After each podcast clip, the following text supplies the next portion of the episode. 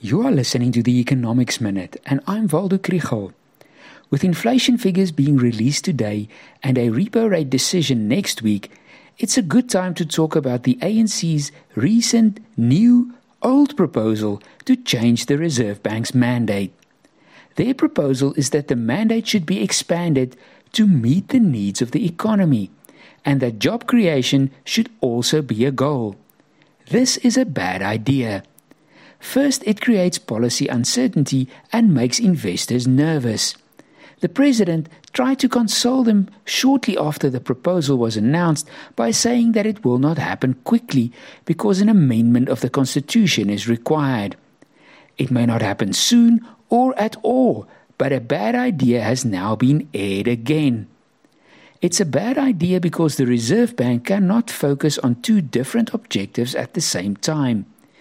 Keeping inflation low and stable contributes to economic growth in the long term, which in turn contributes to job creation. But if they have to focus on job creation in the short term, the Monetary Policy Committee will have to do things that will cause inflation to rise.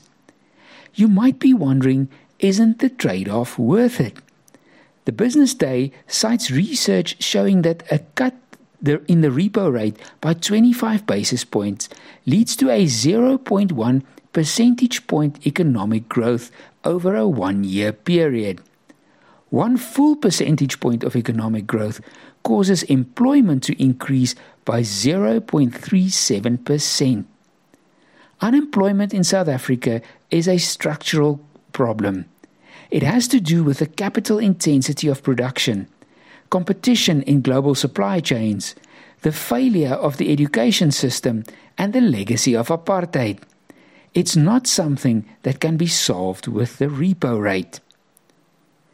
The NWU Business School is the main sponsor of the Economics Minute podcast.